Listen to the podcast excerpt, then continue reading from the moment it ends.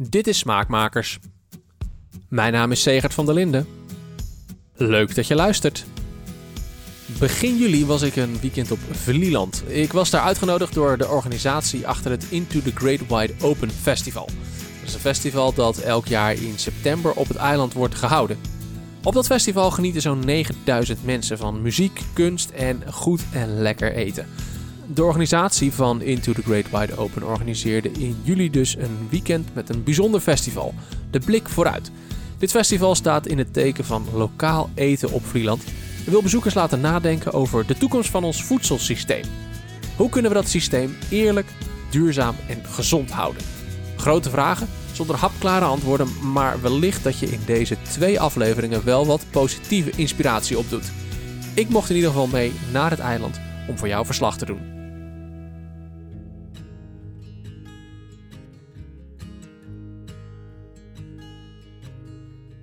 Het eetbare eiland staat in het teken van lokaal eten.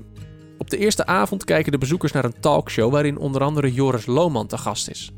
Joris is oprichter en directeur van Food Hub, een organisatie die bedrijven, boeren en overheden begeleidt in de overgang naar een nieuw voedselsysteem. Tijdens die talkshow legt hij in een notendop uit hoe ons voedselsysteem na de Tweede Wereldoorlog ingrijpend veranderde. De voedselindustrie, zoals Nederland die tot dan toe kende, ging volledig op zijn kop allemaal om ons land te kunnen voeden. De doelstelling was modernisering van de landbouw en gewoon het voedsel zo goedkoop mogelijk te maken. Dus dat is eigenlijk het systeem wat we nu hebben gecreëerd. Dus met mhm. landbouwsubsidies en met zoveel mogelijk productie dat het goedkoop is. Nou, dat heeft voor heel veel consumenten en voor mensen heeft dat een ja, dat is dat belangrijk, want dat betekent ook dat het geld aan andere dingen kunnen uitgeven. Dus onze welvaart is er ook voor een deel op uh, uh, gebaseerd. Hè? Maar uiteindelijk hebben we echt een systeem gekeerd dat alleen maar puur gaat over zoveel mogelijk, zo goedkoop mogelijk. En dan is het ook heel moeilijk om daar alternatieven tegenover te zetten die nog tijd nodig hebben om een beetje schaal te krijgen. Of die, en daardoor is het gewoon zo'n moeilijke concurrentiestrijd tussen alternatieven en tussen. Of, en, en je zou een beetje zwart-wit kunnen zeggen tussen kortere ketens en langere ketens. Maar goed, in de praktijk loopt dat dus ook best wel door elkaar heen. Die praktijk, daarover hoor je in deze aflevering van Smaakmakers. Want het klinkt heel mooi. We eten alleen nog maar voedsel dat lokaal geproduceerd wordt en rekenen af met de lange ketens die we nu hebben. De ketens waardoor we in de winter sperziebonen laten invliegen uit Kenia met alle klimaatgevolgen van dien. Maar de praktijk is weer barstiger en Vlieland is daarvan het levende bewijs. Want ergens is het een contradictie. Een evenement over lokaal eten op een eiland waar het overgrote deel van het eten wordt ingevoerd.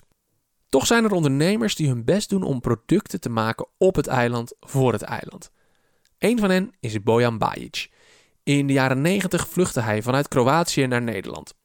Hij kwam terecht op Vlieland en dit eiland werd zijn nieuwe thuis. Samen met zijn zakenpartner Gosse opende hij een bioscoop-annex ijssalon. Maar dan valt hem iets op. Toen ik begon te ondernemen hier, ik begon met andere ogen naar eiland te kijken. En uh, ik zag dat we heel veel producten hebben die naam van Vlieland dragen, maar niet van Vlieland komen. Dus Vlielander wijn, Vlielander Jutterbitter, uh, Vlielander chocola, Vlielander snoep, Vlielander worst uh, enzovoort. Al die soorten, uh, Vlielander cranberry jam, komt ook niet van het eiland. Dus heel veel producten die eigenlijk naam Vlieland dragen, maar niet van Vlieland komen. En dat vind ik echt echt, uh, zoals ik dat noem, mensen worden ambachtelijk voorgelogen. Ja. En toen zei ik tegen Gos, Gos is, uh, weet je, net als ziek, uh, hij wil graag oprechte, eerlijke producten. Hij zei, Gos, dit zegt zo triest dat we geen eilanden product hebben, dat we niks maken. En ik hou van dingen maken. Gos zei helemaal mee eens, we moeten echt iets, iets maken, product maken waar iedereen trots op zou kunnen zijn. Maar wat? Hier hebben we niet zoveel ingrediënten. Cranberries heb ik hier, die mag je niet commercieel plukken. En toen uh, las ik die boek van Wittens en gemeente Vlieland, waarin stond dat Vlieland heeft overschot aan water en de beste kraanwater ter wereld.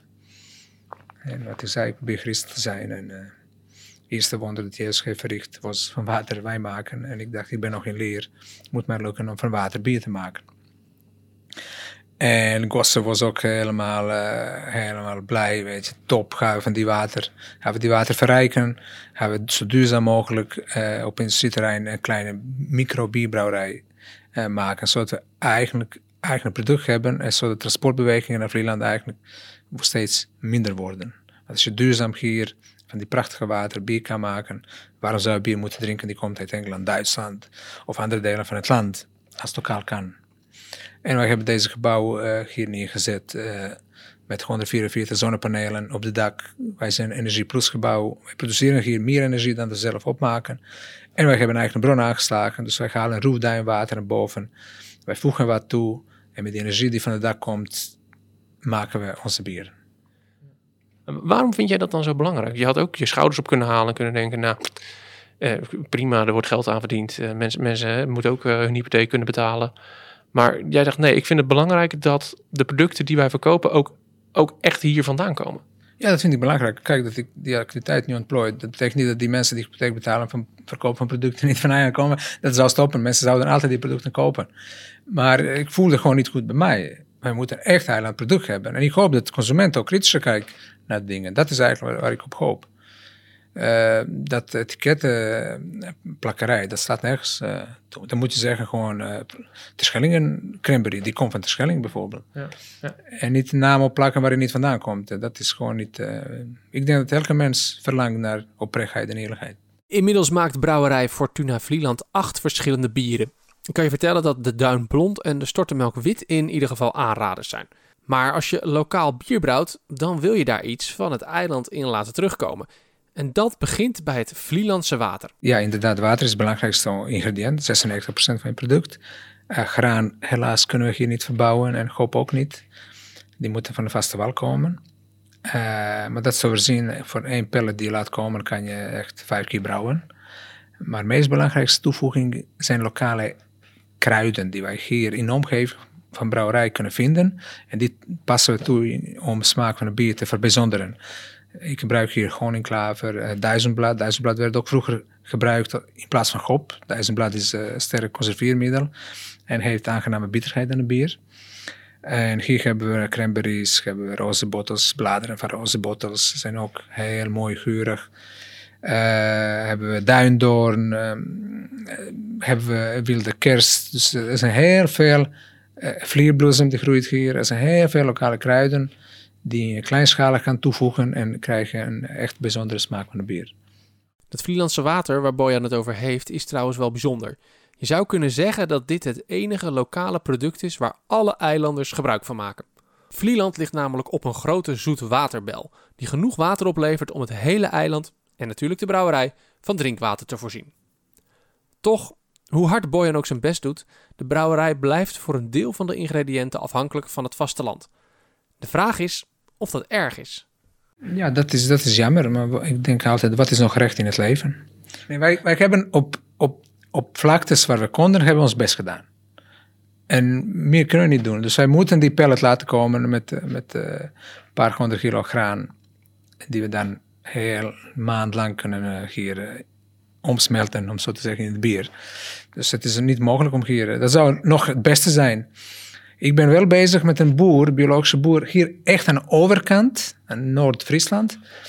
En die, die teelt uh, biologische gerst. En hij heeft een zak verstuurd om te kijken, om te proeven. En wij gaan, hoop ik, binnenkort één brouwsel met zijn gerst maken. Zodat we echt een beetje lokaal ook graan uh, kunnen hebben. Alleen dat is lastig. Kijk, graan groeit zo'n water. Sommige jaren zijn beter, sommige jaren zijn minder, minder, minder goed. En je moet continu kwaliteit hebben en dezelfde samenstelling van eiwitten en van zetmeel in de graan. En graan wordt vaak dus geblend om continu kwaliteit te krijgen. Als je zo bij lokale boer koopt, dan kan je mooi bier maken, maar volgend jaar smaakt het misschien anders. En dan kan je niet uh, kwaliteit waarborgen. Waar Bojan met zijn water in ieder geval nog het belangrijkste ingrediënt van het eiland kan halen, is dat voor Marijke Ozinga Groenhuis onmogelijk. Op een bedrijventerrein tussen grote opslagloodsen staat het kleine pand van de toekomstige Vlielander koffiebranderij Het Baken. De branderij is op het moment van opname nog niet in bedrijf, maar Marijke kan al wel wat bonen voor me roosteren. Je hoort de brander al, die is nu aan het opwarmen. En uh, nou, dit is één proces die duurt 6,5 minuut. Die gaat naar 203 graden en dan uh, gaan we kijken wat het effect daarvan is op deze boon. Dus hij is nu lekker aan het opwarmen en dan uh, gaan we de bonen erin doen en dan uh, zien we hoe het straks uitkomt. Kijk, hij is echt klaar om te branden. Dat houdt in dat de groene koffiebonen, zoals je ziet, dat die de machine in mogen. En dit is 50 gram. Ik heb het thuis even gewogen. gaan nu inderdaad in een klein kopje en dan draaien ze erin. Nou, tegelijk de, de, de motor gaat ook even uit, omdat die anders de, de veiligheid of zo, denk ik. Of, Ja, inderdaad, een stukje veiligheid, want het heeft geen zin om door te gaan. Maar nu eh, begint hij dus te draaien. Dus dat houdt in dat alle bonen, net als in een soort van wasmachine eigenlijk, in de, in de aanraking komen met de warmte. En nu doet de machine eigenlijk zijn werk. Zoals je ziet begint de tijd te lopen. Nou, je ziet dat de temperatuur begint te dalen, zoals ik al zei, want de bonen zijn koud. En straks ga je het effect zien dat hij weer gaat stijgen. Even terug naar dat lokale voedsel. Ehm, koffiebonen groeien natuurlijk niet op Vlieland. Dat gaat gewoon niet lukken. Dat, dat moeten we ook maar realistisch in zijn, dat we dat niet voor elkaar gaan krijgen. Ja. Waar komen jouw koffiebonen vandaan? En mijn koffiebonen in dit geval zijn dus Braziliaanse bonen. Die heb ik eh, ingekocht via een partij om gewoon eventjes te kunnen testen. Want het is immers het grootste exportland van koffiebonen. Maar ik heb hier zelf bonen liggen. Dit zijn bonen uit Oost-Timor. En ik heb ze ook nog liggen uit Rwanda. En wat het leuke verhaal is achter de koffiebonen uit Rwanda... is dat ze komen van een plantage die volledig gerund wordt door vrouwen. De achtergrond daarachter is overigens niet heel erg rooskleurig. Die vrouwen zijn allemaal slachtoffer geworden... omdat hun man zijn allemaal omgekomen tijdens de burgeroorlog in Rwanda... Maar de dames zijn achtergebleven en willen graag steunen. En door het inkopen van de koffiebonen bij die plantage in Rwanda steunen we de dames en hun gezinnen. Want die eh, centen die worden namelijk geïnvesteerd in waterputten die daar zijn aangelegd. In educatie. En dat zijn natuurlijk hele belangrijke elementen voor een gezin om van te leven. Dus er wordt een eerlijke prijs betaald voor de koffiebonen. En dat is een, denk ik het belangrijkste stukje bewustwording wat ik wel heb gekregen. Is dat we als consument gewend zijn zo goedkoop mogelijk, zo groot mogelijk in te kunnen kopen bij grote partijen. Wat ook een heel logisch gevolg is. Maar daarbij sta je niet stil dat het geld terecht moet komen bij de mensen die er het hardste voor moeten werken. Marijke en Bojan zijn onderdeel van een groep ondernemers die hun best doen om op Vlieland zoveel mogelijk lokaal voedsel te produceren. Zo kun je binnenkort ook oesterzwammen van het eiland krijgen. En leuk detail, bij het verbouwen van de zwammen wordt gebruik gemaakt van de vliesjes die overblijven na het branden van Marijkes koffiebonen.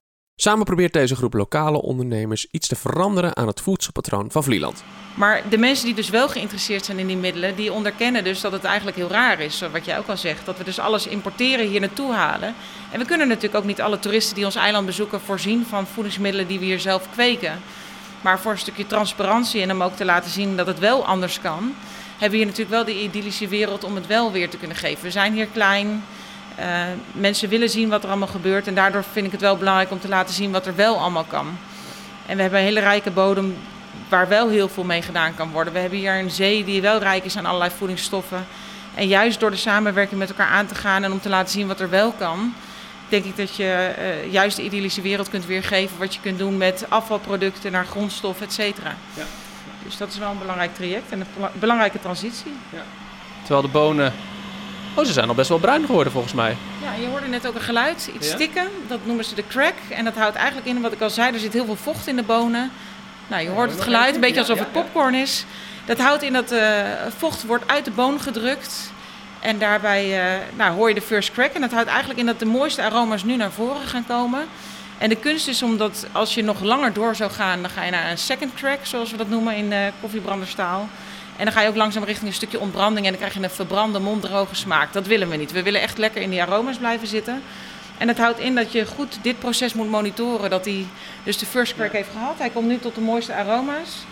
En zoals je ziet gaan we nu ook al richting het eind van het brandproces. Dus uh, sluiten we mooi die mooiste aroma's op. En uh, komen als het goed is tot, straks tot een hele mooie smaak. Hij is inmiddels klaar zoals je hoort. Ja. Geweldig. Zoals je ziet zijn ze de kleur zoals je wil. Ja. De geur is nog niet optimaal, want het heeft even tijd nodig. Het moet Mhm. nog verder ontgassen. Maar als je dit zou ruiken over een dag of vier, neem het maar mee straks, zou ik zeggen. En dan, uh, dan ruik je dat het lekker naar koffiebonen zo gaat ruiken. Gewoon, gewoon even proberen. Maar... Nou ja, jij ruikt al wel dat het koffie is, maar het is nog niet zo lekker die volle koffiegeur die die andere bonen hebben. Precies. Marijke probeert haar koffiebranderij zo duurzaam mogelijk te maken. Als je dan creatief gaat denken, kom je soms op interessante ideeën. Want waarom zou je de koffiebonen laten invliegen als het ook CO2-neutraal kan? Met een zeilboot, dus dat is een stukje CO2-neutraal vervoer. En uh, we zijn eigenlijk aan het onderzoeken of we dat ook uh, op die wijze hier naartoe kunnen brengen. Zodat we niet alleen een eerlijke prijs betalen bij de koffieboer en daar verantwoord en transparant verhaal achter hebben.